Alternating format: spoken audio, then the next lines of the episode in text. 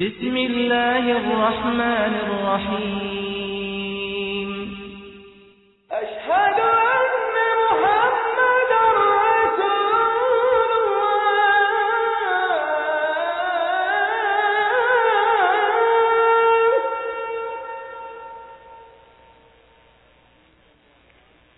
سیرت امیر مؤمنان حیدر کرار سیدنا علی ابن ابی طالب رضی الله تعالی عنه.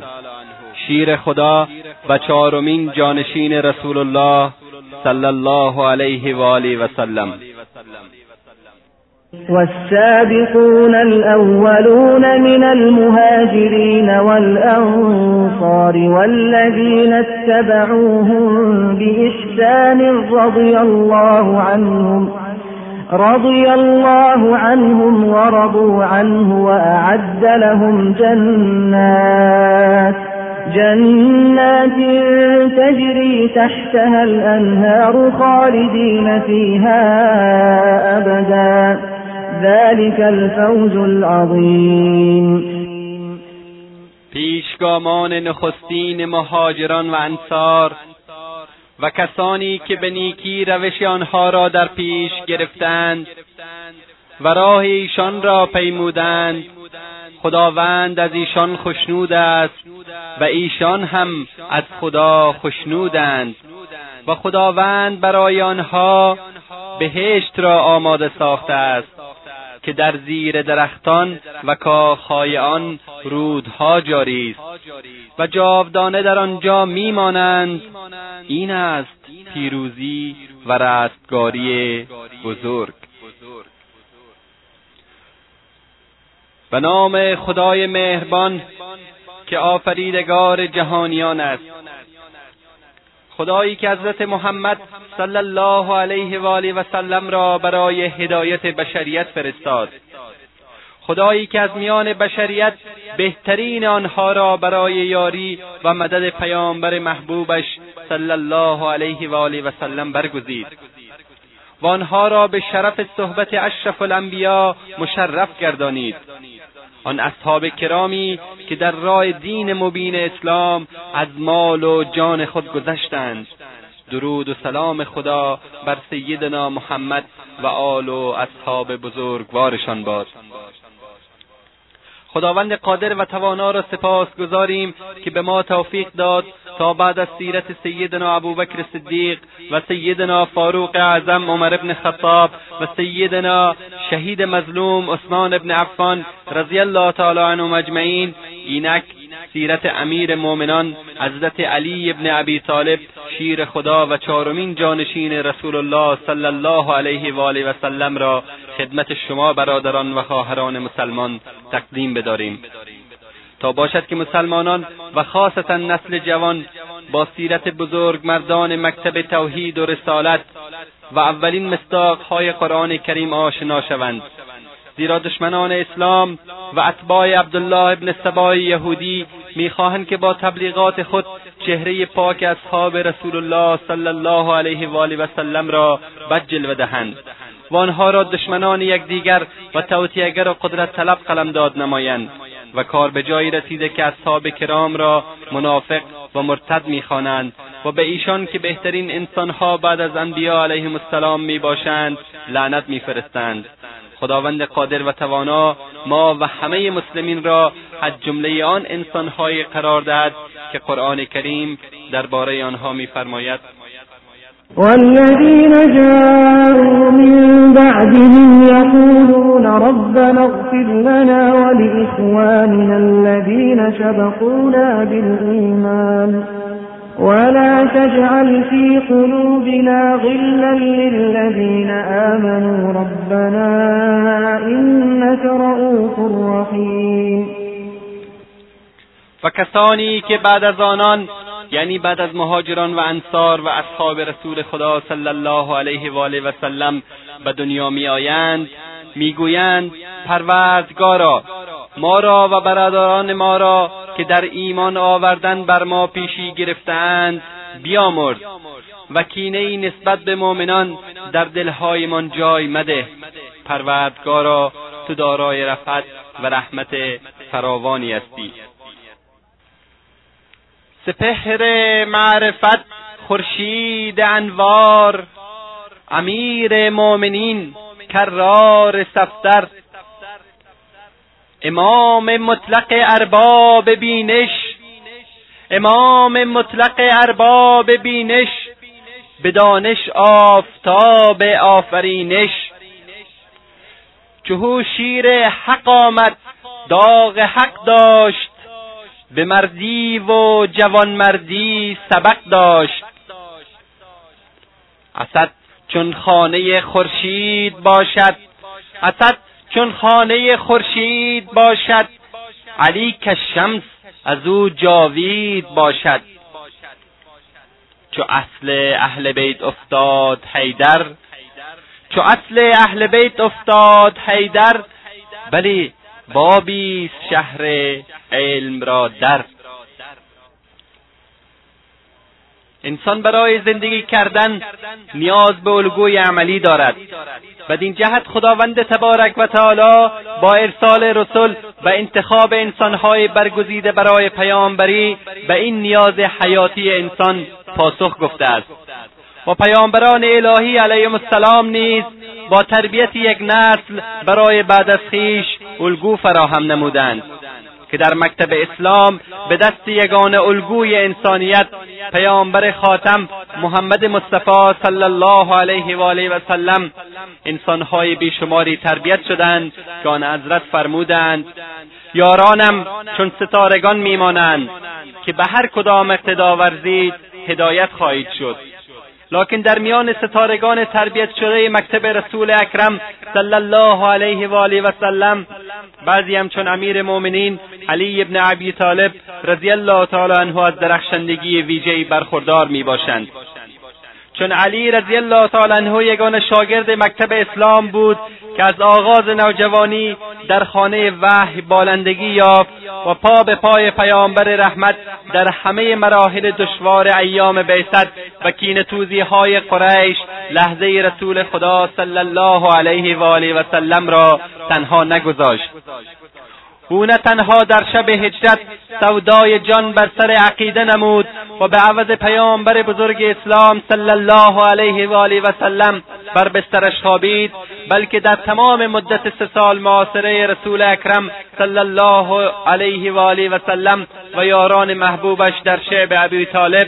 از بیم آن که مبادا دشمن عنود به قصد جان رسول خدا صلی الله علیه و آله و سلم شبیخون زند.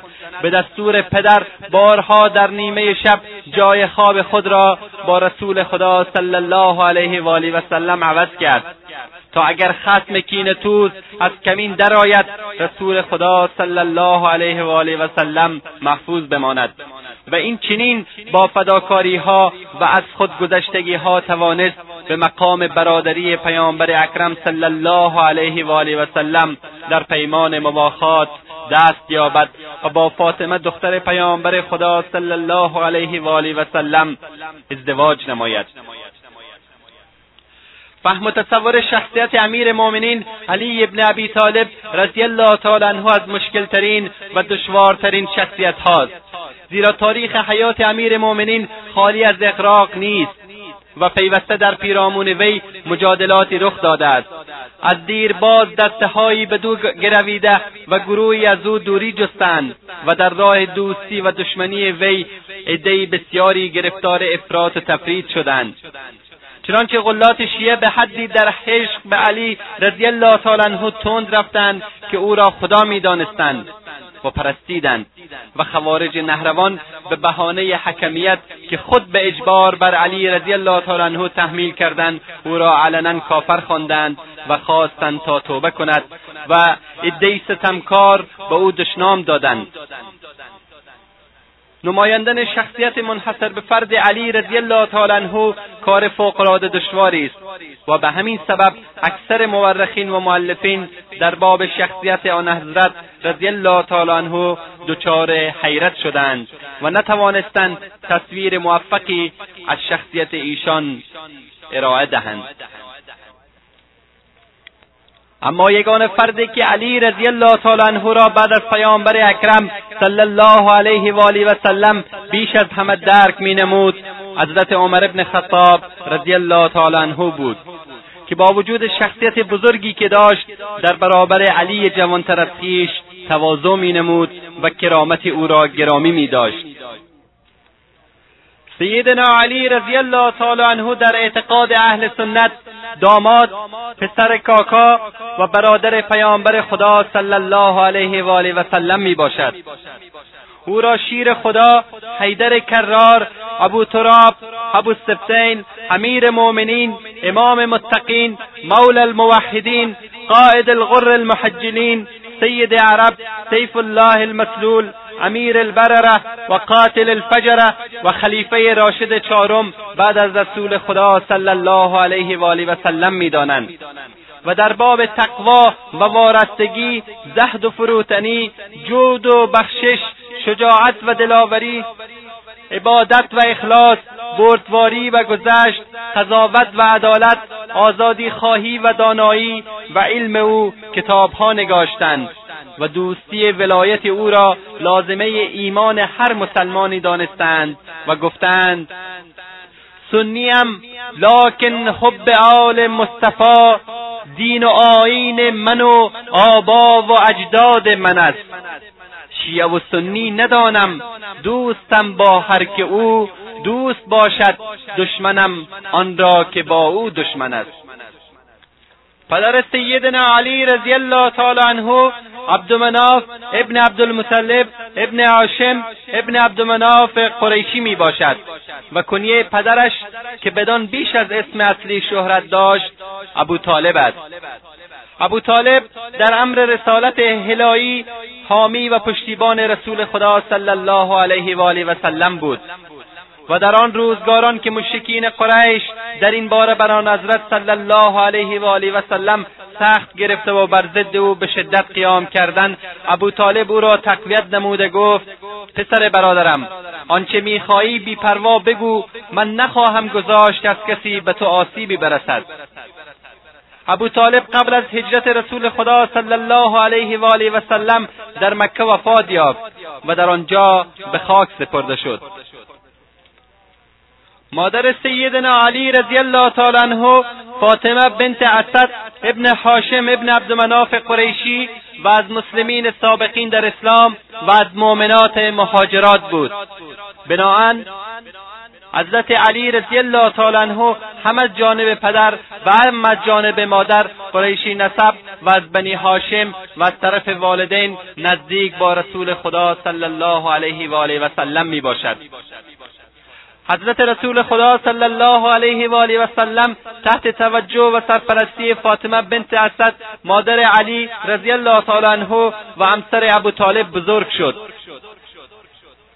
رسول خدا صلی الله علیه و آله و سلم از بد تولد تا سن هشت سالگی نزد جدش عبدالمطلب بود و پس از وفات عبدالمطلب بر حسب وصیت او تحت کفالت عمش ابو طالب قرار گرفت.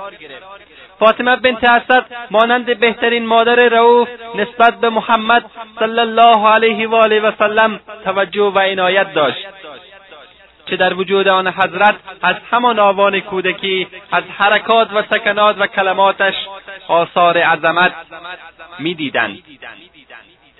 فاطمه بنت اسد در مدینه وفات یافت و رسول خدا صلی الله علیه و آله و سلم بر او نماز خواندند. و جنازهاش را تشییع کرده بر مرگش میگریستند و فرمودند خدا تو را در ازای عنایت مادرانه ای که به من می‌کردی پاداش خیر دهد. تو برای من بعد از مادرم بهترین خلق خدا بودی. حضرت سیدنا علی ابن ابی طالب رضی الله تعالی عنه بنابر قول صحیح ده سال قبل از بعثت به دنیا آمدند. ابن سعد می‌گوید علی رضی الله تعالی عنه در قرن ششم میلادی سی سال بعد از عام الفیل پس از گذشت دوازده شب از ماه رجب به دنیا آمد. تبری با سند خود در تاریخ امم و به نقل از مجاهد می‌گوید یکی از نعمتهای خداوند بر حضرت علی ابن ابی طالب رضی الله تعالی عنه کفالت و سرپرستی پیامبر صلی الله علیه و آله و سلم بر وی بود. سبب ظاهری آن این بود که قریش با بحران اقتصادی شدیدی مواجه شدند. ابو طالب که مرد عیالمند بود شرایط زندگی برایش سخت گشت.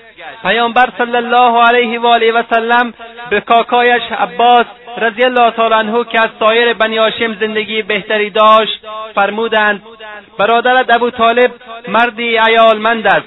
مناسب است در این موقعیت دشوار بار او را سبک نماییم. من یکی از فرزندانش را به نزد خود می‌برم تو هم یکی را پیش خودت ببر. عباس رضی الله تعالی عنه با پیشنهاد پیامبر صلی الله علیه و آله و سلم موافقت کرد. بنابراین نزد ابو طالب رفتند و از او خواستند کفالت فرزندانش را تا رفع این بحران به آنان بسپارد. ابو طالب گفت عقیل را برای من بگذارید و هر کدام را می‌خواهید ببرید. آنگاه رسول خدا صلی الله علیه و آله و سلم حضرت علی رضی الله تعالی عنه و عباس رضی الله تعالی عنه جعفر را به خانه خود بردند. ابن اسحاق می‌گوید روزی رسول خدا صلی الله علیه و آله و سلم و همسرش خدیجه رضی الله تعالی عنها مشغول نماز بودند که علی رضی الله تعالی عنه متوجه آنان شد. و از پیامبر خدا صلی الله علیه و آله و سلم پرسید این چه عملی است که شما انجام می‌دهید؟ رسول خدا صلی الله علیه و آله و سلم فرمودند این همان دین برگزیده خداست که پیامبرانش را بدان مبعوث نموده است و از تو نیز می‌خواهم که تنها خدای یگانه را پرستش کنی و به لات و عزا که بتهای قریش بود کفر ورزی. حضرت سیدنا علی رضی الله تعالی عنه گفت این چیز جدیدی است که قبلا نشنیدم. در این باره با پدرم مشورت می‌کنم. رسول خدا صلی الله علیه و آله و سلم که نمی‌خواست قبل از دعوت عمومی رازش آشکار گردد به سیدنا علی رضی الله تعالی عنه فرمودند اگر تو ایمان نمیآوری پس این راز را پنهان نگه دار. حضرت سیدنا علی رضی الله تعالی عنه آن شب را پشت سر گذاشت. خداوند در قلبش حقانیت اسلام را القا نمود. صبح روز بعد اول وقت نزد پیامبر بزرگ اسلام صلی الله علیه و آله و سلم حاضر شد و اسلام خود را عرضه داشت. و از آن پس در خفا و پنهانی به همراه رسول خدا صلی الله علیه و آله و سلم می‌رفت و با او نماز می‌خواند و اسلام خود را بنابر راهنمایی پیامبر صلی الله علیه و آله و سلم آشکار نساخت. دعوت قریش و سایر قبایل به سوی اسلام همچنان ادامه داشت و از سوی دیگر مخالفت و دشمنی قریش رو به افزایش بود. تا اینکه مسلمانان را تحریم اقتصادی نموده و در شعب ابی طالب مجبور به پناهندگی کردند. حضرت جعفر ابن ابی طالب رضی الله تعالی عنه و عده زیادی از مسلمین به حبشه هجرت کردند. رسول خدا صلی الله علیه و آله و سلم برای دعوت اهل طایف به آنجا رفتند ولی مورد آزار و شکنجه قرار گرفتند. حضرت حمزه ابن عبدالمطلب رضی الله تعالی عنه و عمر ابن خطاب رضی الله تعالی عنه و کسانی که خداوند نظر لطفی به آنان داشت به اسلام گرویدند. ابو طالب و خدیجه رضی الله تعالی عنها دو مدافع و پشتیبان رسول خدا صلی الله علیه و آله و سلم از دنیا رفتند. آزار قریش به مسلمین و پیامبر صلی الله علیه و آله و سلم شدت گرفت و هرچه در توان داشتند برای خاموش کردن شعلههای فروزان دعوت حق به کار می بردند اما خدای تبارک و تعالی چیز دیگری می‌خواست. حوس و خزرج که دو قبیله بزرگ قحطان بودند به اسلام گرویدند. بیعت عقبه اول و دوم واقع شد و اسلام در مدینه منوره انتشار یافت. پیامبر بزرگ اسلام صلی الله علیه و آله و سلم به اصحاب خود فرمان دادند تا به یثرب یعنی مدینه منوره هجرت کنند. مسلمانان گروه گروه به مدینه هجرت کردند تا جایی که در مکه جز رسول خدا صلی الله علیه و آله و سلم و علی رضی الله تعالی عنه و ابوبکر رضی الله تعالی عنه و چند تن دیگر از زندانیان و ضعیفان کسی دیگر باقی نماند. از آن سو قریش احساس خطر کردند که به زودی رسول خدا صلی الله علیه و آله و سلم نیز به مسلمانان در مدینه منوره میپیوندند و در آنجا قدرت بزرگی تشکیل خواهند داد. سرانجام سران قریش در دارالندوه تشکیل جلسه دادند و به توافق رسیدند که از هر قبیله یک جوان شجاع و نیرومند انتخاب نمایند و همه یک باره بر پیامبر صلی الله علیه و آله و سلم حمله برند و او را از پای درآورند تا بدین گونه خون او در میان همه قبایل تقسیم شود و فرزندان عبدمناف نتوانند با تمام قبایل به مبارزه برخیزند. و ناچار به گرفتن دیه و خونبهای او راضی شوند. بدین ترتیب مصمم شدند تا نقشه شوم خود را اجرا سازند. مشرکان منتظر فرا رسیدن شب بودند تا تصمیم خود را عملی نمایند. از آن سو خداوند تبارک و تعالی پیامبرش را از این توطئه آگاه ساخت. آن حضرت صلی الله علیه و آله و سلم به علی ابن ابی طالب فرمودند امشب تو در بستر من بخواب و همان چادری را که من انگام خواب بر خود میپیچم تو نیز بر خود بپیچ و مطمئن باش که اینان به تو آزاری نخواهند رساند.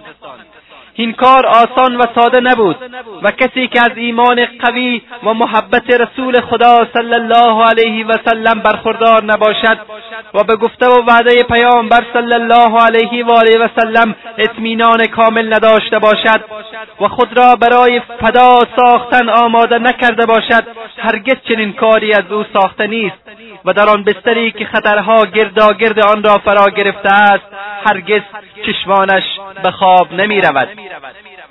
اما سیدنا علی رضی الله تعالی عنه از شدت فشار قریش و جو اختناق آگاه بود و می‌دانست اگر مشکین پیامبر صلی الله علیه و آله و سلم را نیابند برای تسلی خاطر خود او را خواهند کشت. اما علی رضی الله تعالی عنه همه این تصورات را نادیده گرفت و با آرامش خاطر بر بستر رسول خدا صلی الله علیه و آله و سلم خوابید. مشرکان در مقابل درب خانه پیامبر صلی الله علیه و آله و سلم گرد آمدند و آماده اجرای نقشه شوم خود بودند.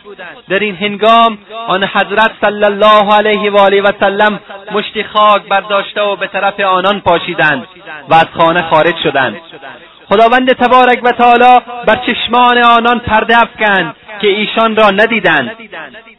وی همچنان که خاک بر سر مشرکان می پاشید آیات اول سوره یاسین را تلاوت می نمودند پیامبر صلی الله علیه و آله و سلم بدان سو که ماموریت داشتند حرکت کرده و از نظرها ناپدید شدند. ناگاه رهگذری از پیش کفار گذشته و به آنها گفت به انتظار چه کسی در اینجا نشسته اید؟ گفتند به انتظار محمد. رهگذر گفت خدا ناامیدتان گردانید. و خدا او از خانه خارج شد و به دنبال کار خود رفت. از این رو آنان به تفحص پرداخته از کناره در به داخل نگاه کردند. ولی چون علی رضی الله تعالی عنه در جای آن حضرت خوابیده و چادر مخصوص آن حضرت صلی الله علیه و آله و سلم را بر سر کشیده بود تردیدی نداشتند که او شخص پیامبر صلی الله علیه و آله و سلم می باشد. این مطلب سبب آن شد که آنها تا صبح در همان جا به انتظار خروج پیامبر صلی الله علیه و آله و سلم بمانند. چون صبح گشت و علی رضی الله تعالی عنه از بستر برخاست خجالت کشیده و ناکام برگشتند.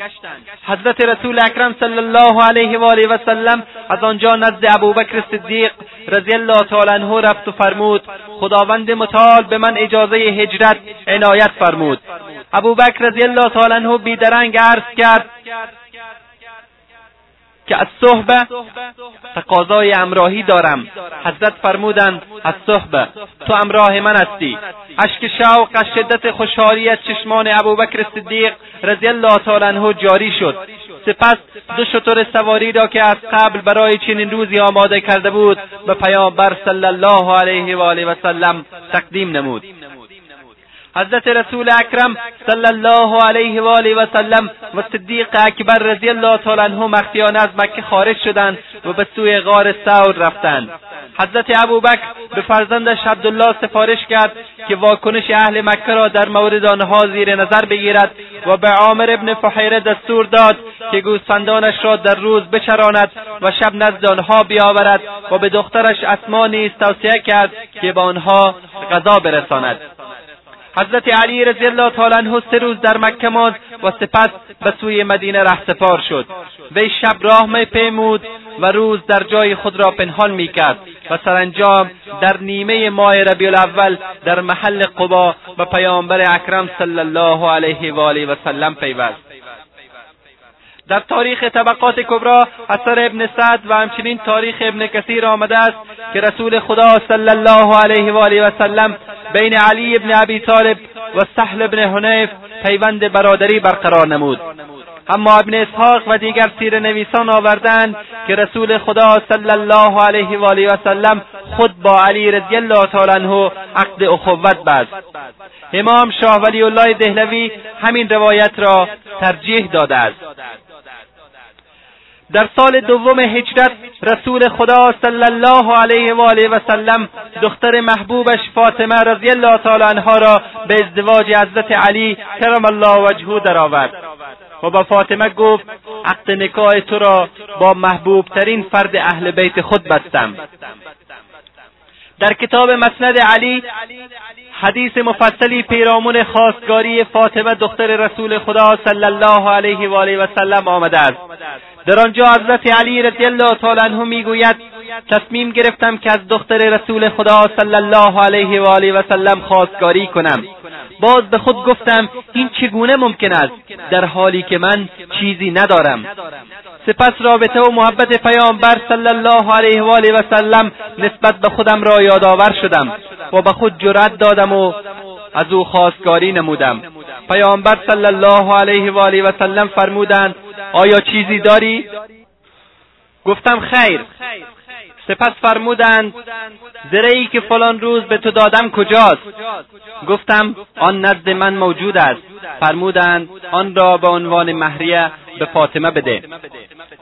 در برخی از کتب شیعه آمده است که حضرت علی رضی الله تعالی عنه این زره را در برابر چهارصد درهم به حضرت عثمان رضی الله تعالی عنه فروخت. چون علی رضی الله تعالی عنه پول را تحویل گرفت حضرت عثمان زره را دوباره به او هدیه داد. وقتی که حضرت علی ماجرا را برای رسول اکرم صلی الله علیه و آله و سلم بیان نمود آن حضرت برای عثمان رضی الله تعالی عنه دعای خیر فرمودند. سپس مقداری آن پول را به حضرت ابوبکر داد که برای فاطمه وسایل مورد نیاز را خریداری نمایند. در آخر ماه محرم سال هفتم اجرت جنگ خیبر روی داد. در این جنگ جوانمردی شیر خدا علی ابن ابی طالب رضی الله تعالی عنه و جایگاه او نزد خدا و رسولش بیش از پیش آشکار گشت و خداوند به دست او خیبر را که از نظر موقعیت جنگی و استراتژیکی بسیار مهم بود فتح نمود. حضرت علی رضی الله تعالی عنه وقتی به قلعه قموس رسید مرحب پهلوان مشهور یهود در حالی که رجز می‌خواند برای مبارزه بیرون آمد. علی رضی الله تعالی عنه و مرحب دو ضربه شمشیر رد و بدل کردند. آنگاه علی رضی الله تعالی عنه ضربهای به او زد که شمشیر و کلاه آهنین و سر او را شکافت و تا به دندانهایش پیش رفت و بدین سان قلعه فتح گردید. در کتاب مصنف ابن ابی شیبه با سندش از لیس روایت شده که امام محمد باقر رحمت الله علیه گفت جابر برایم روایت کرده که علی رضی الله تعالی عنه روز خیبر درب دژ را بلند کرد تا مسلمین بالا رفتند و آن را فتح نمودند. این درب چنان سنگین بود که پس از آزمایش معلوم شد که آن را کمتر از چل نفر نمی‌توانند بلند نمایند. در سال نهم هجری حج فرض گردید. رسول خدا صلی الله علیه و آله و سلم حضرت ابوبکر رضی الله تعالی عنه را امیر و سرپرست حجاج مقرر فرمود تا با آنها حج را اقامه کند. تا آن زمان هنوز مشرکان همواره با مسلمین به شیوه جاهلی خیش حج را ادا می‌کردند حضرت ابوبکر رضی الله تعالی عنه با مسلمانان که سیصد تن بودند حرکت نمودند. پس از حرکت سیدنا ابوبکر رضی الله تعالی عنه پیک وحی سوره براحت را بر پیامبر اسلام صلی الله علیه و آله و سلم فرود آورد. آن حضرت صلی الله علیه و آله و سلم حضرت علی رضی الله تعالی عنه را به حضور خواستند و فرمودند آیات نخستین سوره براعت را بگیر و در روز نه یعنی روز عید قربان هنگامی که مردم در منا گرد هم میآیند قرائت کن و با آنها ابلاغ نما که هیچ کافری به بهشت وارد نخواهد شد. و پس از این سال هیچ مشرکی حج نگذارد و هیچ برهنه خانه خدا را تواف نکند. و هر کس با پیامبر خدا صلی الله علیه و آله و سلم عهد و پیمانی دارد آن پیمان تا پایان مهلت خود دارای اعتبار است. حضرت علی رضی الله تعالی عنه بر شتر پیامبر صلی الله علیه و آله و سلم سوار شد و راه مکه را در پیش گرفت. به حضرت ابوبکر رضی الله تعالی عنه رسید. حضرت ابوبکر رضی الله تعالی عنه از او پرسید آیا برای انجام مأموریتی آمده ای یا اینکه امارت و سرپرستی حجاج به تو سپرده شده است؟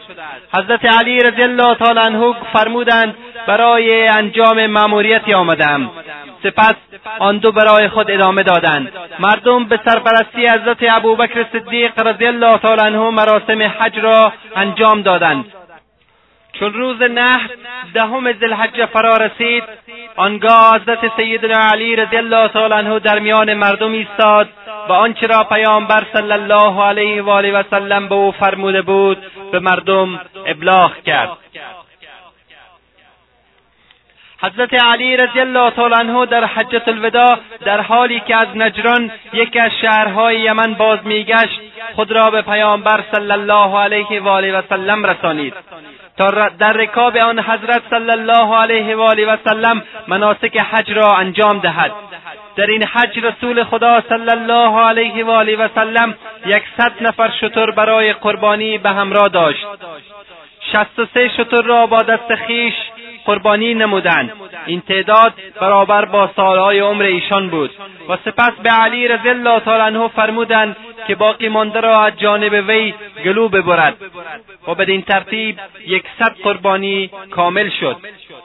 بعد از آنکه رسول خدا صلی الله علیه و آله و سلم سه روز ایام تشریق را در منا گذرانیدند رهسپار مکه شدند و تواف ودا را انجام داده و سپس به مردم فرمان دادند که به خانه های خود برگردند و خود به همراه یارانشان به سوی مدینه حرکت کردند. چون به قدیر خم رسیدند خطبه ایراد نمودند و در آن خطبه فضایل علی را برشمردند. و فرمودند من کنت مولاه و هذا علی مولاه.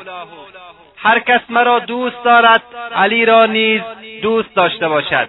و در ادامه فرمودند خدایا هر که با او دوستی کند او را دوست بدار و هر که با او دشمنی ورزد او را دشمن بدار.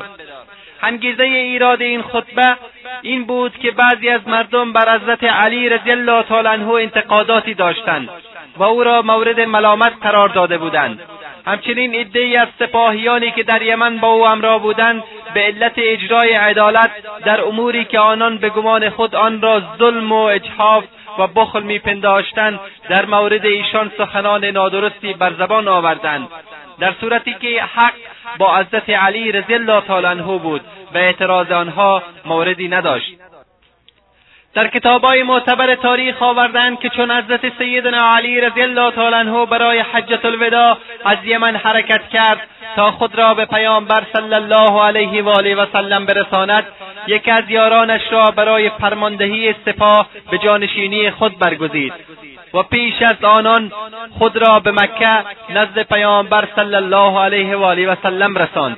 آن مرد لباسهایی را که حضرت علی رضی الله تعالی عنه از یمنی ها به غنیمت گرفته بودند بین همراهان خود تقسیم کرد.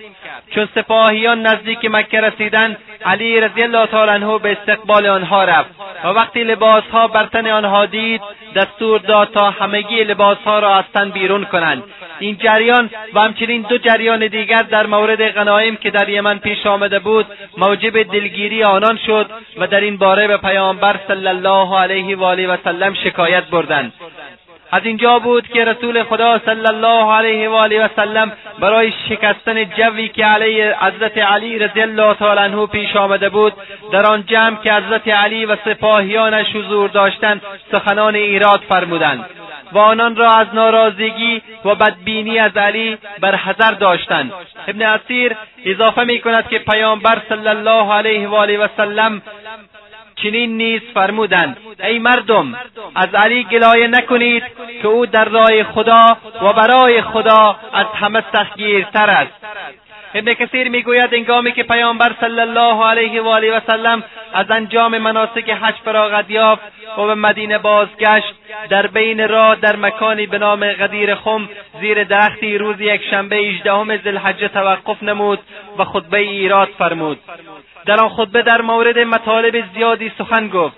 همچنین درباره امانت عدالت و صفات نیکوی علی رضی الله تعالی عنه و قرابت وی با پیامبر صلی الله علیه و آله و سلم سخن راند و با این سخنان به کدورتی که در قلوب عدهای نسبت به علی رضی الله تعالی عنه پیش آمده بود پایان داد.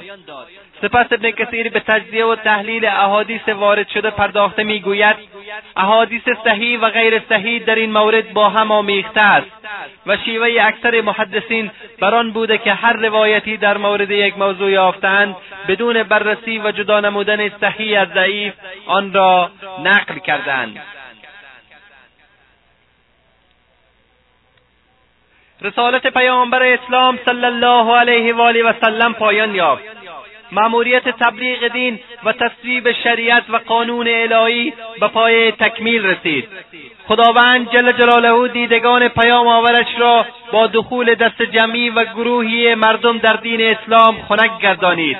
آثار و علایم گسترش دین در جهان نمایان گشت و رسول خدا صلی الله علیه و آله و سلم به وفاداری مردانی که در آغوش خیش پرورده و زیر نظم مستقیم خود تربیت نموده بود اطمینان کامل پیدا کرد و یقین نمود که آنان وفاداری خود را به این دین ثابت خواهند کرد و با بهرهگیری از غیرت دینی اصالت دین را حفظ نموده و تعالیم آن را به اجرا خواهند گذاشت. آنگاه خود را برای لقا و دیدار خداوند سبحان آماده ساخت. خداوند نیز دیدار او را دوست داشت. سرانجام رسول خدا صلی الله علیه و آله و سلم در روز دوشنبه دوازدهم ربیع الاول سال یازدهم هجرت به دیدار پروردگارش شتافت. مسلمین پس از رحلت پیامبر اسلام صلی الله علیه و آله و سلم با حضرت ابوبکر رضی الله تعالی عنه به عنوان نخستین جانشین آن حضرت بیعت نمودند. در این مورد که بیعت حضرت علی رضی الله تعالی عنه با ایشان چه زمانی صورت گرفت روایات مختلفی وجود دارد. حافظ ابوبکر بیحقی از ابو سعید خدری روایتی نقل کرده که حاکی از حضرت علی رضی الله تعالی عنه در همان روزهای نخستین بیعت نمودند. ابن کثیر پس از نقل این روایت می‌گوید از این روایت ثابت می شود که حضرت علی رضی الله تعالی عنه در اولین یا دومین روز رحلت پیامبر صلی الله علیه و آله و سلم بیعت کرد و صحیح هم همین است. زیرا حضرت علی رضی الله تعالی عنه همواره با سیدنا ابوبکر رضی الله تعالی عنه بوده و در تمام نمازها پشت سر او حضور داشتند. پروفسور امیرعلی نویسنده و اندیشمند شیعه می‌گوید علی با علو تب و فداکاری همیشگی خود نسبت به این دین و با نگرانی بسیار از اینکه کوچکترین اختلافی در میان اصحاب آموزگار بروز نکند بیدرنگ با سیدنا ابوبکر رضی الله تعالی عنه بیعت کرد. در این مورد حضرت علی رضی الله تعالی عنه با مشکلی مواجه شد که خیرخواهی او نسبت به اسلام و مسلمین و اخلاص او در بیعت با ابوبکر رضی الله تعالی عنه را مورد آزمایش قرار داد. ولی وی با استقامت و پایداری ثابت نمود که از خودخواهی و تعصبات قبیلهای جاهلی مبرا و پاک است. ابن عساکر به نقل از سوید ابن غفله آورده است که یکی از بزرگان قبیله قریش به علی و حباس رضی الله عنهما گفت چه دلیلی دارد که امر خلافت به ضعیفترین تیره قریش واگذار شده است اگر شما بخواهید مدینه را از سواران مسلح و مردان جنگی پر خواهم کرد. علی رضی الله تعالی در پاسخ گفت به خدا سوگند من خواهان چیزی نیستم. اگر ابوبکر را شایسته این کار نمی‌دانستم هرگز خلافت را به او واگذار نمی‌کردم. و نیز ابن ابوالحدید شارع نهج البلاغه می‌گوید وقتی فضل فرزند عباس گفت ای بنی تمیم شما خلافت پیامبر را تصاحب نمودید در حالی که حق ما بود نه شما و نیز یکی از فرزندان ابولهب ابن عبدالمطلب ابن حاشم در این مورد شعری سرود. لیکن چون حضرت علی رضی الله تعالی عنه مطلع گشت کسی را به سوی آنان فرستاد و از این کار من کرده و فرمود حفظ و سلامت دین برای ما محبوبتر از هر چیز دیگر است. جالب اینجاست که حضرت علی رضی الله تعالی عنه همان گونه که انتظار می‌رفت و شرف نسب و اخلاص او اقتضا می‌کرد همواره در طول خلافت حضرت ابوبکر رضی الله تعالی عنه یاور مخلص و مشاور دلسوز او بود. و مصلحت اسلام و مسلمین را بر هر چیز دیگری ترجیح می‌داد. و از هیچ گونه فداکاری و جانبازی دریغ نمیورزید. یکی از روشنترین دلایل اخلاص و صداقت علی با ابوبکر رضی الله تعالی عنهم اجمعین و خیرخواهی وی برای اسلام و مسلمین و حمایت از خلافت و وحدت مسلمین موضع او در مورد خروج ابوبکر رضی الله تعالی عنه برای جهاد با مرتدین و به عهده گرفتن فرماندهی سپاه اسلام بود. این اقدام وی خیلی خطرناک بود. نه تنها جان او را به مخاطره میانداخت بلکه وجود اسلام را تهدید می‌کرد. ابن کثیر می‌گوید دارالقطنی از سعید ابن مصیب از ابن عمر روایت کرد که چون ابوبکر رضی الله تعالی عنه آماده حرکت به سوی ذوالقصه شد و به مرکب خویش سوار شد علی ابن ابی طالب زمام مرکب را گرفت و گفت ای خلیفه رسول خدا کجا می‌روی؟ من به تو همان چیزی را می‌گویم که رسول خدا در روز احد گفته است شمشیرت را در نیام کن و ما را به غم فراقت مبتله مگردان زیرا به خدا سوگند اگر صدمهای به تو برسد نظم امت اسلام از هم میپاشد. لذا به مدینه برگرد. حضرت ابوبکر رضی الله تعالی عنه برا به مشورت و ممانعت حضرت علی رضی الله تعالی عنه به مدینه بازگشت.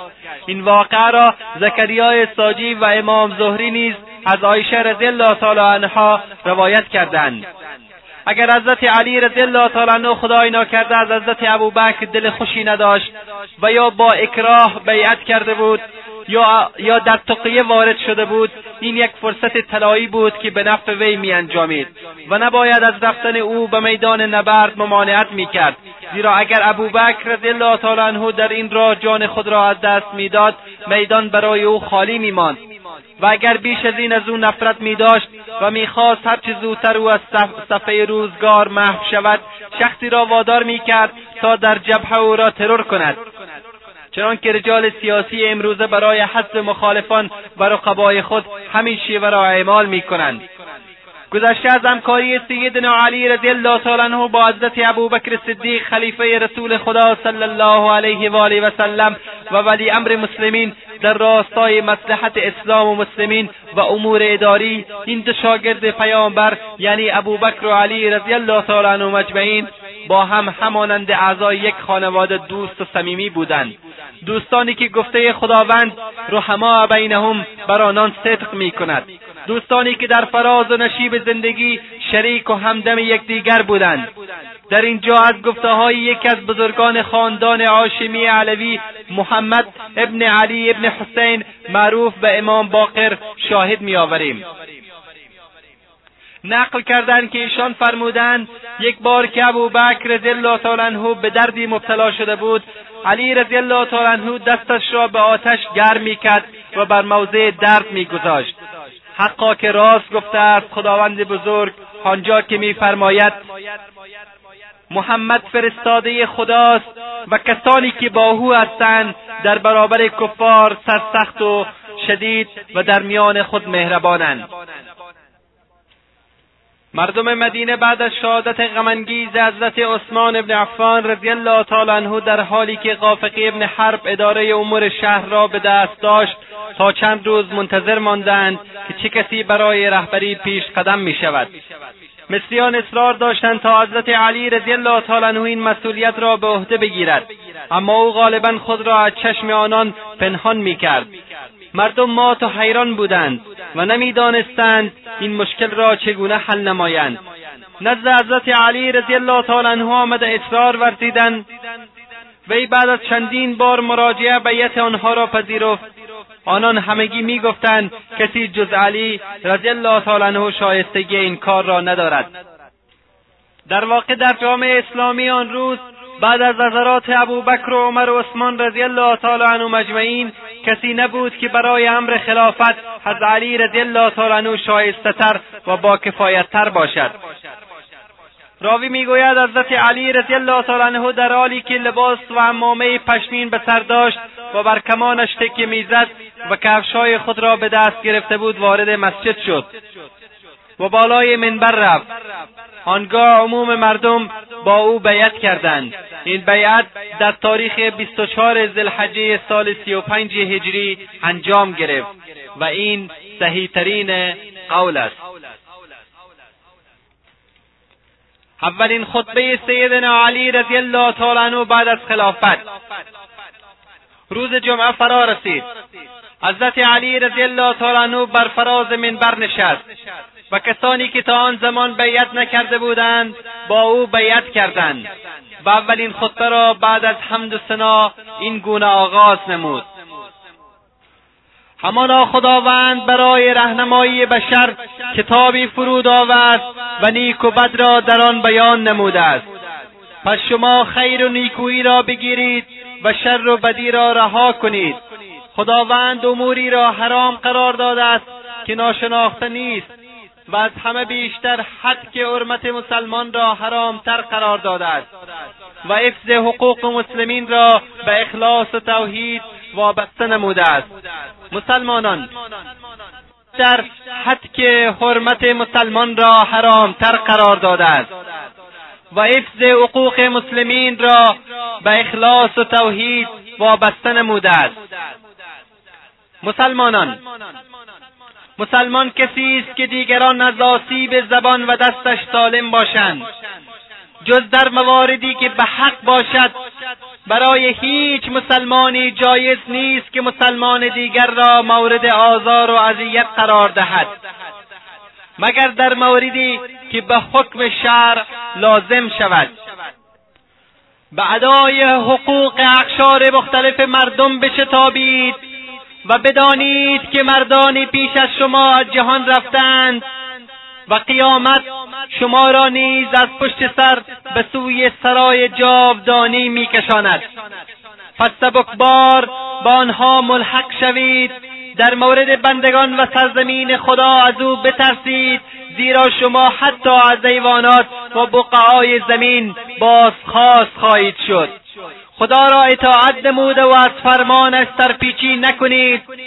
اگر از جانب ما نکویی دیدید آن را بگیرید و اگر بدی یافتید از آن اجتناب کنید.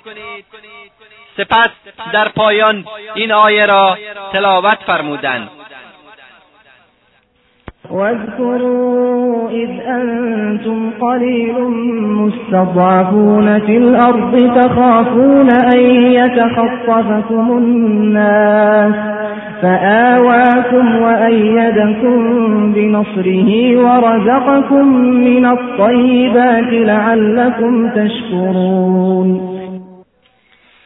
به خاطر آورید هنگامی را که شما در روی زمین گروهی کوچک اندک و ضعیف بودید. آنچنان که می ترسیدید مردم شما را بایند ولی خدا شما را پناه داد و یاریتان کرد و از روزی های پاکیزه بهرهمندتان ساخت تا شکر نعمتش را به جا آورید. این خطبه به موقع و مناسب حال و روز شنوندگان بود. امیر مؤمنین علی رضی الله تعالی عنه درست موضع حساس جامعه آن روز را هدف گرفته و انگشت را بر محل درد گذاشته است. زیرا در آن مقطع تاریخی مهمترین چیزی که مسلمین با آن مبتلا بودند ارزش قائل نبودن به کرامت و شرافت انسان و جرأت نمودن به ریختن خون وی بود.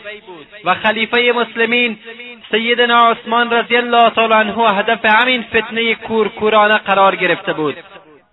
و این فاجعه جانکاه در برابر انظار مردم در شهر پیامبر صلی الله علیه و آله و سلم و در جوار مسجد و مرقد رسول خدا انجام گرفته بود. بنابراین خلیفه ای که امور مسلمین را بعد از وی به دست می گرفت وظیفه داشت که توجه مردم را نسبت به رعایت حقوق مسلمانان و ترس از خدا در مورد آزار بندگان و حتی جانداران دیگر متمرکز سازد. ایشان برنامه حکومتی و سیستم خلافت خیش را با حکمت و بلاغت تمام در این جمله بیان نمودند. اگر نیکویی دید آن را بگیرید و اگر بدی یافتید از آن اجتناب کنید. سپس خطبه خود را با این آیه قرآنی به پایان بردند که در آن بره نیاز به استهزار آن داشتند. تا به وسیله آن حالات قبل از اسلام و آغاز اسلام را با حالات کنونی مقایسه کنند. زمانی که اندک و ضعیف و سرخورده بودند و همانند قطعه گوشتی بودند که بر کف دست قرار دارد و پرندگان آن را میربایند. و مکنون دارای قدرت ثروت مقام سلامت و رفاه هستند. دنیا برایشان حساب باز کرده و خداوند نعمتهای گوناگونی به آنان ارزانی داشته است. لذا لازم است گذشته را به یاد آورده و با داشتن این نعمتها خدا را فراموش ننمایند. بیعت خلافت با سیدنا علی رضی الله تعالی عنه در بحرانی ترین مراحل تاریخ صدر اسلام انجام گرفت. پیش از آنچه که بشود تصورش را کرد حالات سخت و اوضاع بسیار پیچیده و ابهام آلودی حاکم شده بود. در واقع حضرت علی رضی الله تعالی به عنوان رهبر جامعه در امتحان سختی افتاده بود. حادثه شهادت خلیفه مسلمین عثمان ابن عفان رضی الله تعالی عنه با بدترین و وحشیانه ترین شکل و با قصاوت و سنگدلی تمام به وقوع پیوسته بود. و عمیقا عواطف و احساسات جامعه اسلامی را جریحهدار کرده و تحرکات روانی و عکس مختلفی را برانگیخته بود. شای پراکنی ها و عدس و گمانها قوت گرفته. سوالها شبهات و تحلیلهای متعددی مطرح بود و همه کنجکاو و گوش به زنگ بودند که سرانجام چه خواهد شد. در هر محفل و مجلسی این حادثه مورد تجزیه و تحلیل قرار می گرفت. در این اوضاع آشفته و بحرانی فریاد خونخواهی و انتقام بلند شد.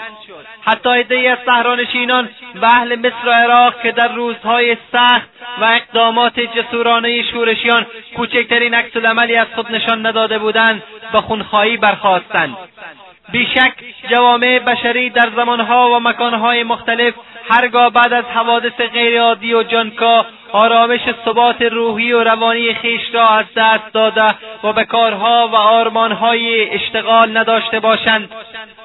که نیروی فکری و جسمی آنان را صرف خود کند و فکر ذهنشان را به خود مشغول دارد یعنی به مسائلی همچون جنگ و فتح و پیروزی یا کارهای اساسی و زیربنایی مثل آبادانی و سازندگی سرزمین خود و یا اشتغال به تولید و صنعت و تلاش برای رونق اقتصادی و غیره سرگرم نشوند ناچار به چنین سرنوشت و بحرانهایی دچار خواهند شد.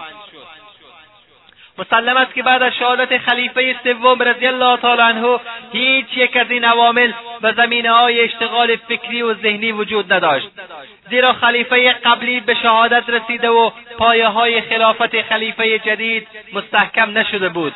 لذا جامعه اسلامی در خلا و شکاف بزرگی به سر می برد و همانا چیزی خطرناکتر و زیانبارتر از خلا و شکاف در زندگی یک جامعه آشوب زده یا یک مملکت نوپا که دشمنان بزرگی آن را احاطه کردند وجود ندارد.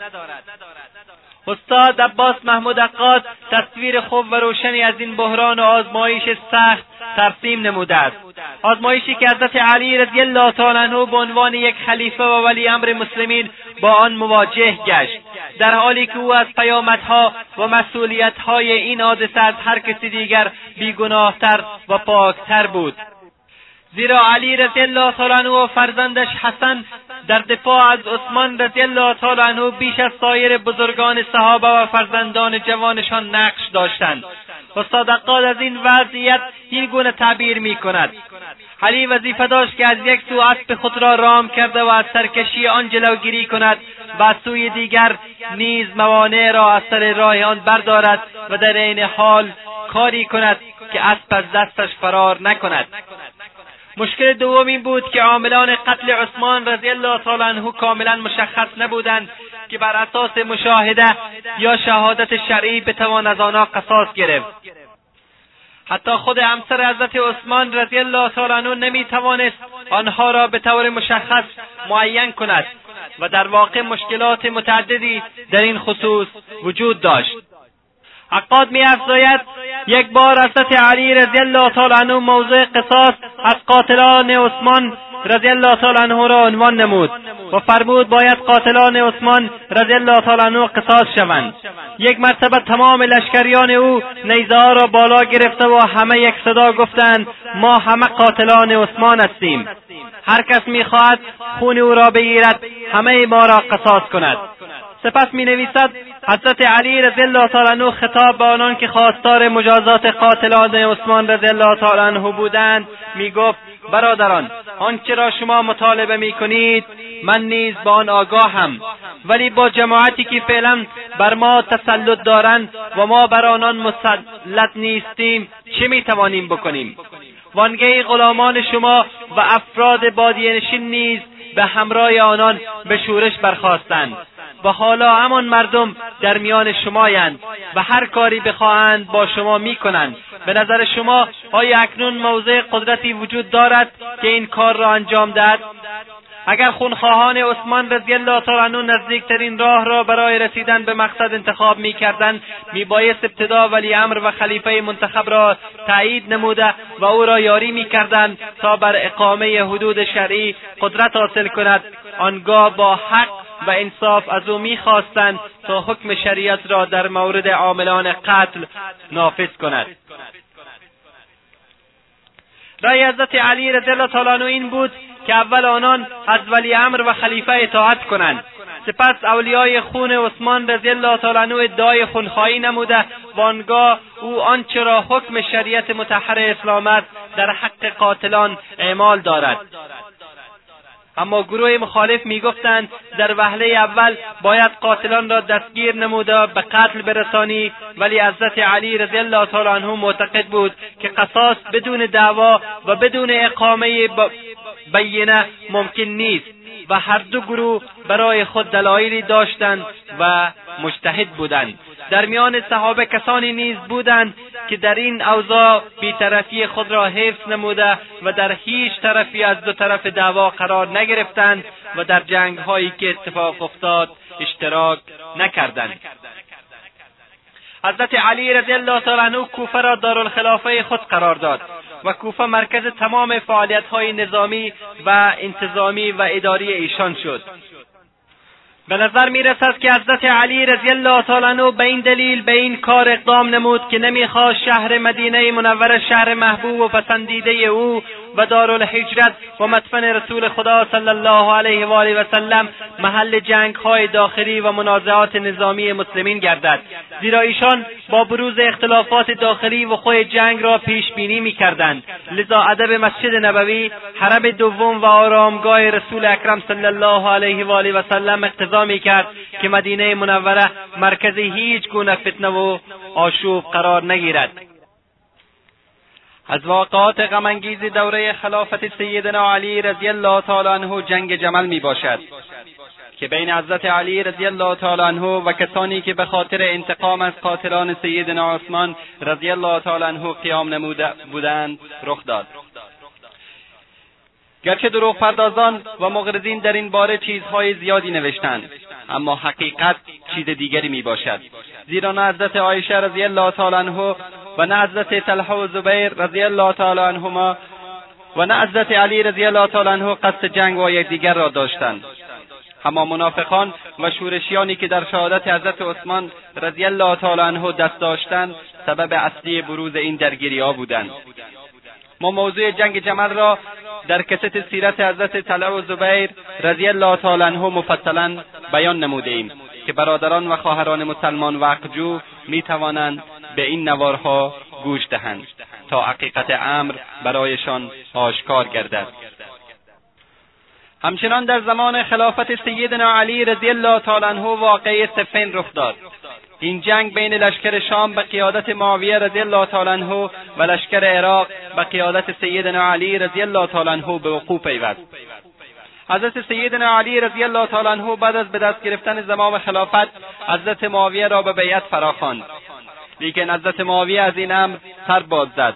سیدنا علی رضی الله تعالی عنه لشکری آماده نموده به قصد حرکت به سوی شام را داشت که واقعه جمل رخ داد. بعد از جنگ جمل همه شهرهای عراق مطیع و فرمانبردار سیدنا علی رضی الله تعالی عنه شده بود. حضرت سیدنا علی رضی الله تعالی عنه با لشکری بالغ بر نود هزار نفر به سوی شام حرکت نمودند و از آن طرف حضرت معاویه نیز با لشکری بالغ بر هشتاد و پنج هزار نفر از شام به سوی سفین راه افتادند و در تاریخ اول سفر سال سی و شش هجری دو لشکر مقابل هم قرار گرفتند. با وجود کوشش های مسلحین جنگ سفین به راه افتاد عده زیادی از مسلمانان در این واقعه به قتل رسیدند گرچه طرفین درگیر جنگ هر کدام دلایلی برای این حرکت خود داشتند. مثلا حضرت معاویه به خونخواهی حضرت عثمان رضی الله تعالی عنه و حضرت علی برای قبولاندن بیعت بالای معاویه رضی الله تعالی عنه دست به این اقدام زده بودند.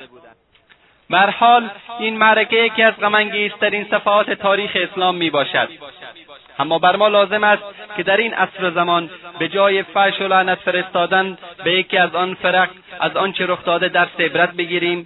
البته عقیده اهل سنت و جماعت این است که در این جنگ حق با حضرت علی بوده است.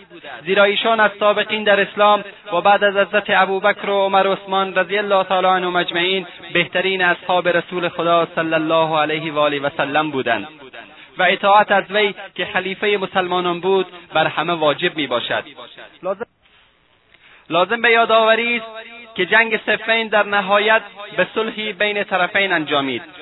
انشاءالله در آینده نزدیک جریان مفصل واقع سفین را در کست سیرت حضرت معاویه رضی الله تعالی عنه خدمت برادران و خواهران مسلمان تقدیم خواهیم نمود. جنگ سفین اینگونه به پایان رسید.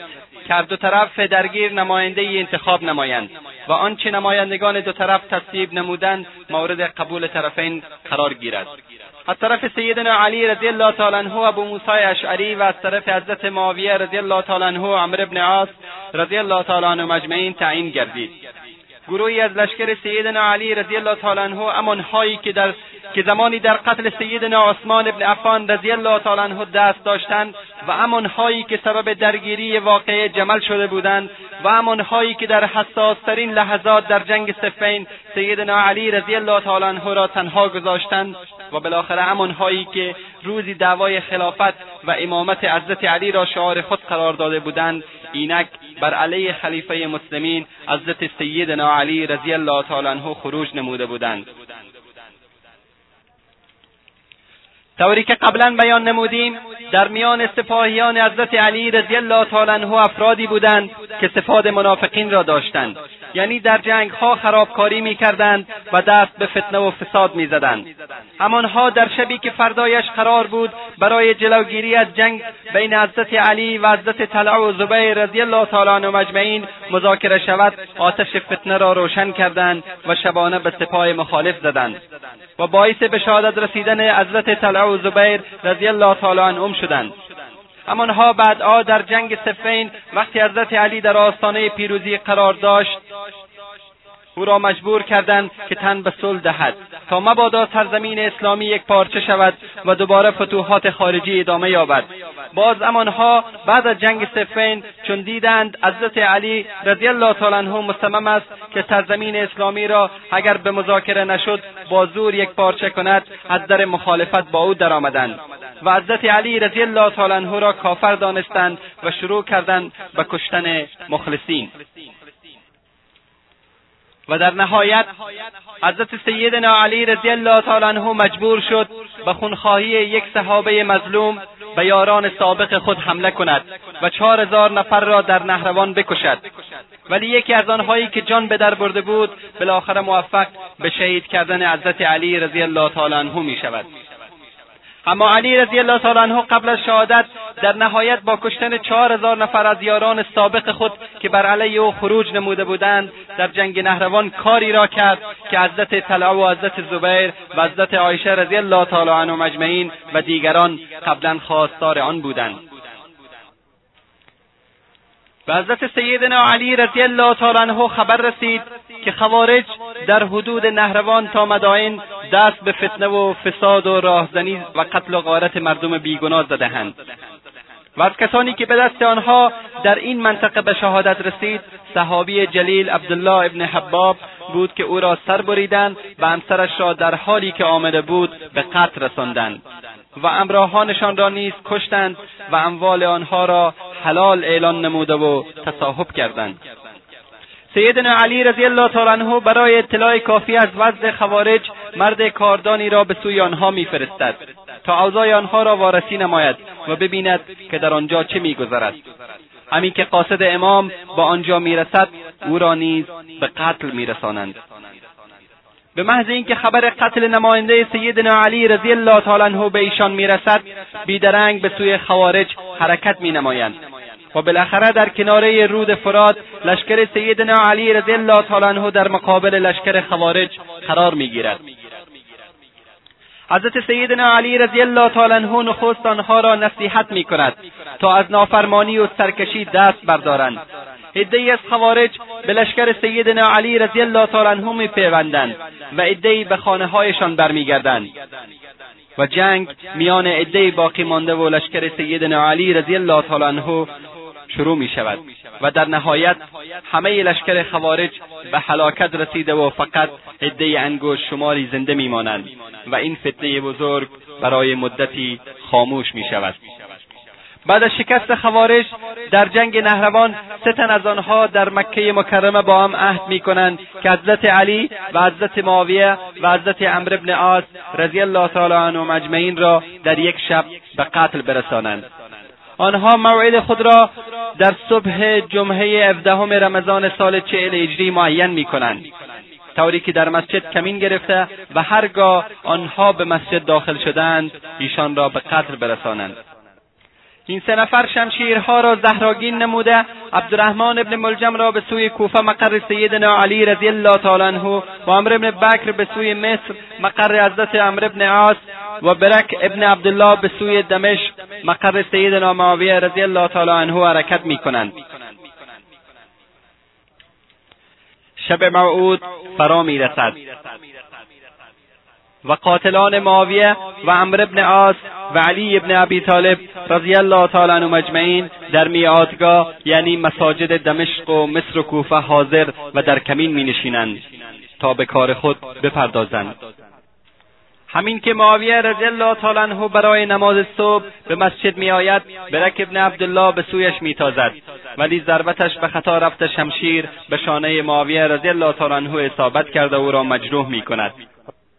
و امر ابن بکر در مسجد به انتظار امر ابن عاص رضی الله تعالی عنه می نشیند ولی چون او در آن شب مریض بود شخص دیگری را به جای خود به مسجد میفرستد تا برای مردم نماز بخوانند. و امر ابن بکر او را به تصور اینکه امر ابن عاص است با یک ضربت شمشیر به شهادت میرساند.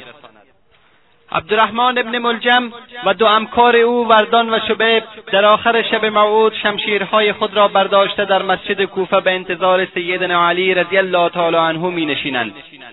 و همین که آن حضرت به مسجد می آید و مانند شبهای گذشته مردم را با گفتن از الصلات برای نماز از خواب بیدار میفرماید هر سه نفر با آن حضرت عمله کرده شبیب یک ضربتی می‌زند که به خطا رفته شمشیرش به سقف مسجد می‌خورد. ولی ضربتی که ابن ملجم شقی می‌زند به میانه سر شریف آن حضرت اصابت کرده خون بر محاسن مبارکش جاری می شود حضرت سیدنا علی رضی الله تعالی عنه که می‌بیند باب شهادت رویش باز شده است میفرماید خط و رب الکعبه. یعنی قسم به صاحب کعبه رستگار شدم. سپس میفرماید این مرد را بگیرید از دستتان در نرود. چون هو مردم را با شمشیر تهدید می‌کرد مردی به نام مغیر ابن نوفل قطیفه ای را به رویش انداخته او را بر زمین انداخته روی سینهاش می نشیند و مردم بر سرش ریخته شمشیر را از دستش گرفته و دستگیرش می‌کنند. وردان که یکی از امراهان عبدالرحمن ابن ملجم بود از هیاهوی مردم و تاریکی آخر شب استفاده کرده و از مسجد فرار و به خانه خود می رود و چون قضیه خود را با مردی از اقوام خود ذکر می کند آن مرد از این کار قبیحش خشمگین شده و او را در همانجا با شمشیر می کشد و اما شبیب که در تاریکی ناشناخته بود موفق به فرار شده سالم از معرکه در می رود ابن کثیر و ابن عصیر نوشتند همین که امام به وسیله مردم از مسجد به خانه برده می شود ابن ملجم به درخواست خود امام به نزدش احضار و در حالی که دستانش بسته بود جلو امام می استد امام نگاه تعجب آمیزی به او کرده میفرماید آیا من به تو نیکی نکرده بودم؟ می‌گوید بله. میفرماید پس چه چیزی تو را وادار به این کار کرد؟ ابن ملجم می‌گوید من شمشیر خود را چهل روز هر صبح تیز می‌کردم و از خدا می‌خواستم تا بدترین خلق خدا با آن کشته شود. امام میفرماید دعایت مستجاب شده. چنین می‌بینم که تو با آن شمشیر که دعا کرده ای کشته می‌شوی و چنین می‌بینم که تو بدترین و شقیترین خلق خدا هستی. و میفرمایند که او را در زندان نگه دارند تا بعدا درباره او تصمیم گرفته شود. سپس میفرمایند النفس بالنفس. یعنی قصاص یک قتل یک نفس انسانی کشتن یک نفس می باشد هرگاه من مردم پس شما او را چنین که مرا کشته است بکشید. و اگر زنده ماندم خودم درباره او هر تصمیمی که خواستم می‌گیرم. ای فرزندان عبدالمطلب مبادا از این رو که امیر مؤمنین کشته شده است دست به کشتن مسلمانان بزنید. آگاه باشید جز قاتلم هیچ احدی را نکشید. فرزندم حسن اگر از این ضربتی که به من رسیده مردم پس تو او را یعنی ابن ملجم را با یک ضربت اعدام کن. مبادا او را مثله کنی یعنی مبادا قبل از اینکه او را با یک ضربت بکشی اعضایش را از بدنش قطع نمایی. زیرا رسول خدا صلی الله علیه و آله و سلم فرمودند شما را بر حذر میدارم از مثله کردن. حضرت سیدنا علی رضی الله تعالی عنه به دو فرزند عزیز خود حضرت حسن و حضرت حسین رضی الله تعالی عنهم اجمعین وصیتی می کند که الکامل در صفحه 196 جلد سوم روایت کرده و ما ترجمه آن را برای شما عزیزان ذکر می کنیم حضرت سیدنا علی رضی الله تعالی عنه میفرمایند توصیه می کنم شما را به تقوا طالب دنیا نشوید گرچه او شما را بخواهد. هرگز به چیزی که از شما فوت شده متاسف نشوید. به یتیمان رحم و به ضعفا کمک کنید. در پی کاری باشید که به نفع حیات آخرت باشد. همیشه حق بگویید همیشه بر ضد ستمگر باشید و همیشه یاور ستم دیده باشید. با آنچه در کتاب خدا است عمل کنید و در راه خدا از ملامت و سرزنش ملامتگران باکی نداشته باشید. سپس نگاهی به پسرش محمد کرده میفرماید آیا فهمیدی آنچه را که به برادرانت وصیت کردم؟ عرض می کند بله میفرماید تو را هم به آنچه که به آنها گفتم وصیت می کنم که عمل کنی و توصیه می کنم که به این دو برادرت که حق عظیمی بر تو دارند احترام و تعظیم نمایی و هیچ کاری بدون موافقت آنها انجام ندهی. پس از آن رو به حضرت سیدنا حسن و سیدنا حسین رضی الله تعالی عنهم اجمعین کرده میفرمایند من شما را توصیه می کنم نسبت به او یعنی به محمد. پس او برادر شما و پسر پدر شما هست. شما می‌دانید که پدرتان او را دوست میدارد. حضرت سیدنا علی رضی الله تعالی عنه در آخرین انفاس حیات پاک خود با کسی حرف نمی‌زد. بلکه کلمه لا اله الا الله را مکررا به زبان داشت. تا آنکه در این حال که زبان طاهرش مشغول به ذکر خداوند جل جلاله و قلب طیبش مملو از حب خدای عزوجل بود روحش شب یک شنبه به ملع اعلی پیوست. و بدین ترتیب دوران طلایی خلفای راشدین رضی الله تعالی عنه مجمعین به پایان رسید. فرزندانش حضرت حسن و حسین و عبدالله ابن جعفر تیار رضی الله تعالی عنه مجمعین آن حضرت را غسل دادند و نماز میت به امامت امام حسن رضی الله تعالی عنه بر آن حضرت اقامه شد و در محلی از کوفه به خاک سپرده شدند. سیدنا علی رضی الله تعالی عنه شصت سه سال عمر و چهار سال و نه ماه خلافت نمود. سیدنا حسن بعد از فراغت از دفن سیدنا علی رضی الله تعالی عنه به کار ابن ملجم شقی پرداخته و او را از زندان خواست و چنان که امام فرموده بود او را با یک ضربت شمشیر اعدام کرد. هاری به حیات چهارمین خلیفه راشد حضرت سیدنا علی ابن ابی طالب خاتمه داده شد. به حیات کسی خاتمه داده شد که می‌خواست امت محمد صلی الله علیه و آله و سلم را در حیطه تعالیم قرآن و سنت رسول خدا صلی الله علیه و آله و سلم هدایت فرماید. و حیات کسی خاتمه داده شد که می‌خواست مردم را از بازگشت به خودسری ها و گمراهی های سابق باز دارد. حضرت سیدنا علی رضی الله تعالی عنه بازگشت به سیرت عهد رسول خدا صلی الله علیه و آله و سلم و عهد حضرت ابوبکر و حضرت عمر و حضرت عثمان رضی الله تعالی عنهم اجمعین را برای امت اسلام واجب می‌دانست و در این راه ذره انعطاف از خود نشان نمی‌داد. ولی پذیرش این امر برای مردمی که با اوضاع و مقتضیات عهد ساید این زمان یعنی زمان علی رضی الله تعالی عنه عادت کرده بودند تا جایی مشکل و دشوار بود. که نه تنها غالب یاران و طرفدارانش بدین جهت از آن حضرت دوری گرفتند بلکه حتی برادرش حقیل ابن ابی طالب که چیزی زیادتر از حاجت خود خواسته بود و حضرت سیدنا علی رضی الله تعالی عنه امتناع فرمود سخت رنجید و به طرف معاویه رضی الله تعالی عنه رفت. و عبدالله ابن عباس رضی الله تعالی عنه پسر امش که حاکم بصره بود در اثر سختگیری حضرت سیدنا علی رضی الله تعالی عنه در محاسبه با او از همام رنجید و امارت بصره را ترک کرده از آنجا به مکه رفت. حضرت سیدنا علی رضی الله تعالی عنه بین اشراف حتی اشراف قریش و دیگران در هیچ چیزی نه در تقسیم عطا و نه در اعطای امارت و نه در توجه و عنایت فرقی نمیگذاشت. و همین مساوات جویی او بزرگان عرب را از او میرنجانید. و وقتی که از این بابت از کسی اعتراض میشنید یا گفته می‌شد که این کار بر خلاف مصلحت و مقتضیات وقت است میفرمود از من می‌خواهید برتری و پیروزی در کارم را با جور و ستم به دست آورم؟ حضرت سیدنا علی رضی الله تعالی عنه می‌خواست قدم اولش در اقدام به هر کاری حق و عدل باشد. نه که فقط هدف و مقصدش حق باشد و دیگر فرقی نگذارد که با قدمهای حق به طرف هدف حقش برسد یا با قدمهای باطل. بدین جهت بود که مداهنه و ریاکاری و تبعیض و مساهمه در کارش را جایز نمی‌دانست.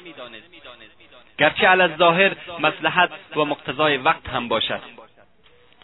برای آنکه خوب بدانید سیدنا علی رضی الله تعالی عنه از حیث ورع و احتیاط در امور امت اسلام در چه سطح بد بالایی قرار داشت به این روایت تاریخی که مورد اجماع مورخین اهل سنت می باشد توجه فرمایید.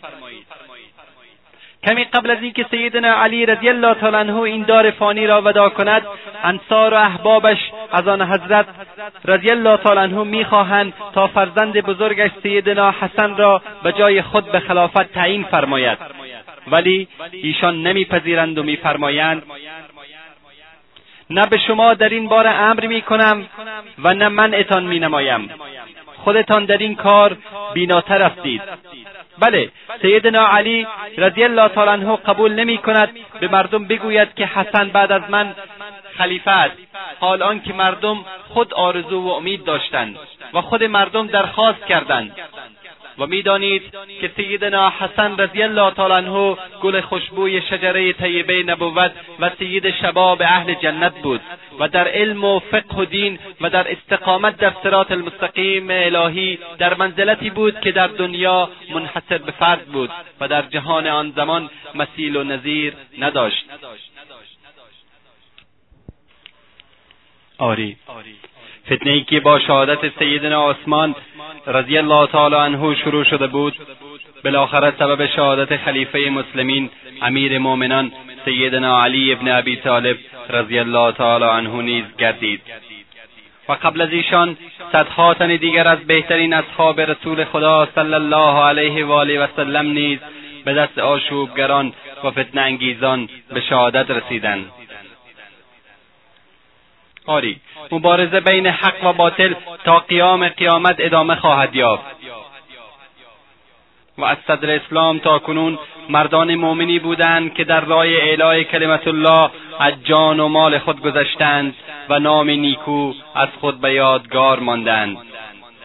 درود و سلام خدا بر پیامبر بزرگ اسلام و بر آل و اصحاب فداکارشان باد. در اینجا لازم می‌بینیم که اسامی بعضی از فرزندان سیدنا علی رضی الله تعالی عنه را بیان نماییم. نخست اسماء دختران سیدنا علی رضی الله تعالی عنه را خدمت شما تقدیم می‌کنیم. زینب رقیه رمله ام هانی میمونه ام کلثوم فاطمه امامه خدیجه ام الکرم و ام سلمه و پسران ایشان عبارت بودند از حسن حسین محمد عبدالله ابوبکر عثمان جعفر یحیی و عمر. برادران و خواهران مسلمان. توجه داشته باشید که بنابر محبت و صمیمیت بیش از حدی که میان اصحاب کرام و اهل بیت رسول خدا صلی الله علیه و آله و سلم و خاصتا میان سیدنا ابوبکر صدیق و سیدنا فاروق اعظم و سیدنا عثمان ذی و سیدنا علی رضی الله تعالی عنهم اجمعین وجود داشت. حضرت علی رضی الله تعالی عنه سه تن از فرزندانشان را به اسمای مبارک ایشان نامگذاری نمودند. یعنی ابوبکر ابن علی ابن ابی طالب عمر ابن علی ابن ابی طالب عثمان ابن علی ابن ابی طالب. همچنان حضرت سیدنا علی رضی الله تعالی عنه دختر خیش ام کلثوم که از بطن فاطمه زهرا رضی الله تعالی عنها به دنیا آمده بود را به عقد نکاح سیدنا فاروق اعظم عمر ابن خطاب رضی الله تعالی عنه درآوردند. و اینها همه دلیلی محکم بر وجود محبت و احترام در بین اصحاب رسول خدا صلی الله علیه و آله و سلم و اهل بیت ایشان مخصوصا بین سیدنا علی رضی الله تعالی عنه و خلفای راشدین قبل از ایشان می باشد. اما دشمنان اسلام و آنانی که خداوند چشم بصیرتشان را کور کرده است به طبل دشمنان اسلام میرقصند و می‌خواهند با عنوان نمودن دشمنی بین اهل بیت و اصحاب کرام مردم ساده و خوشباور را بفریبند و با تحریک بیشتر احساسات عوام الناس جیبهای آنها را بیشتر خالی نمایند.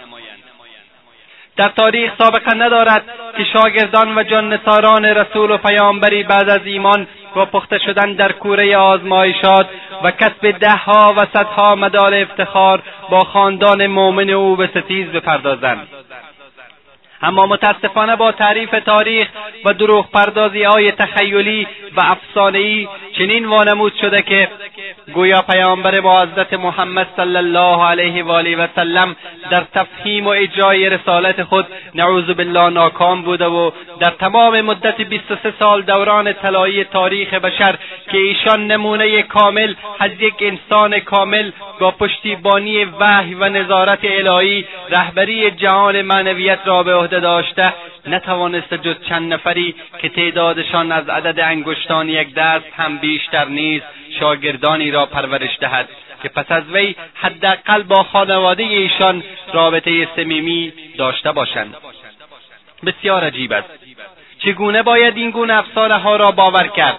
در حالی که طبق شواهد روشن و براهین قاطع صحابه و اهل بیت نه تنها یار و یاور یکدیگر بودند بلکه با وجود بعضی رنجش های طبیعی در جامعه بشری پیوند ناگسستنی بین آنان وجود داشت و به شدت به یکدیگر احترام داشتند و با یکدیگر پیوند خویشاوندی برقرار می‌کردند و به نامهای یکدیگر افتخار میورزیدند. اگر چنین نیست پس چرا امیر مؤمنین علی رضی الله تعالی عنه از عصبانیت بر منبر کوفه مشت میکوبد و میفرماید؟ به من خبر رسیده که گویا عدهای مرا از ابوبکر و عمر برتر می‌دانند. اگر کسی چنین ادعایی کرده باشد افترا کننده و دروغگوست که حد افترا باید بر او جاری شود. و در جای دیگر میفرماید مبادا با کسی روبرو شوم که مرا از ابوبکر و عمر برتر می‌داند وگرنه او را مانند کسی که دروغ و افترا میبندد شلاق می‌زنم. من المؤمنين رجال صدقوا ما عاهدوا الله عليه فمنهم من قضى نحبه ومنهم من ينتظر وما بدلوا تبدیلا در میان مؤمنان مردانی هستند که با خدا راست بودند در پیمانی که با او بستند. برخی پیمان خود را به سر بردند و برخی نیز در انتظارند. آنان هیچ گونه تغییر و تبدیلی در عهد و پیمان خود ندادند یعنی کمترین انحراف و تزلزلی در کار خود پیدا نکردند. پروردگارا از تو عاجزانه می‌خواهیم که دلهای ما را با نور ایمان منور گردانی. و محبت خود و پیامبرت صلی الله علیه و آله و سلم و تمام خاندان و اصحاب جانبازش را در قلبهایمان جایگزین نمایی.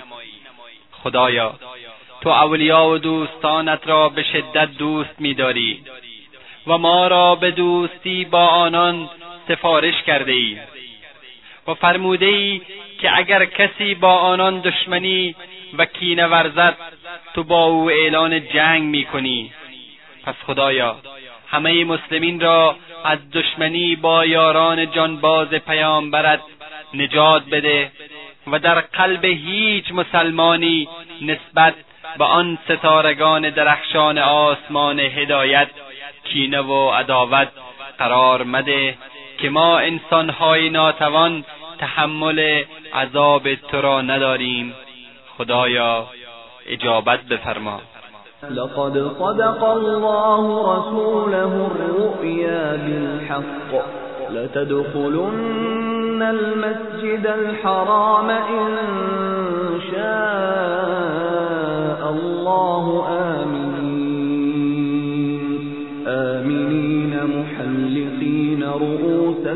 ومقصرين لا تخافون. فعلم ما لم تعلموا فجعل من دون ذلك فتحا قريبا. هو الذي أرسل رسوله بالهدى ودين الحق ليظهره على الدين كله. وكفى بالله شهيدا. محمد رسول الله والذين معه أشداء على الكفار رحماء بينهم تراهم ركعا سجدا يبتغون فضلا الله ورضوانا فيما هم في وجوههم من أثر السجود.